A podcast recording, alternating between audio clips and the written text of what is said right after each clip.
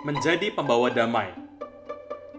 Seringkali kita dalam kehidupan ini, kita harus berpikir, apakah kita ini adalah orang membawa damai, atau jangan-jangan kita ini adalah troublemaker, alias orang yang suka bawa masalah.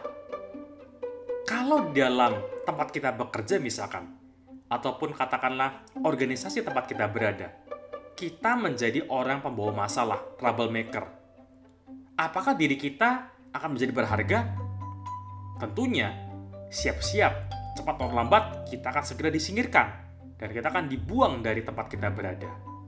Tetapi, kalau kita menjadi orang pembawa damai, di mana kita banyak memberikan nilai tambah, kita mampu memberikan solusi, tentunya kita akan dipandang berharga. Di mana setiap ide, pemikiran kita, sikap kita akan membawa dampak yang luar biasa. Ingat, hal positif itu mudah menular, apalagi semangat dan antusiasme kita. Kalau kita setiap hari setidaknya kita semangat dan antusias, maka tentunya orang-orang di sekitar kita akan dapat merasakannya. Dan mereka juga akan ikut terbawa semangat dan antusias. Kembali lagi, mari kita renungkan, apakah kita sudah menjadi pembawa damai?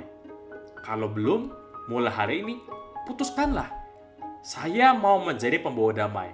Di mana mau saya berada, saya akan membuat sebuah perbedaan. Saya membawa semangat yang baru. Saya membawa sebuah antusiasme.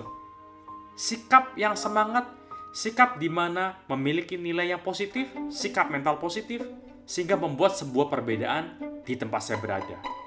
Saya percaya, jika Anda menjadi pembawa damai, Anda akan menjadi berlian di tempat Anda berada.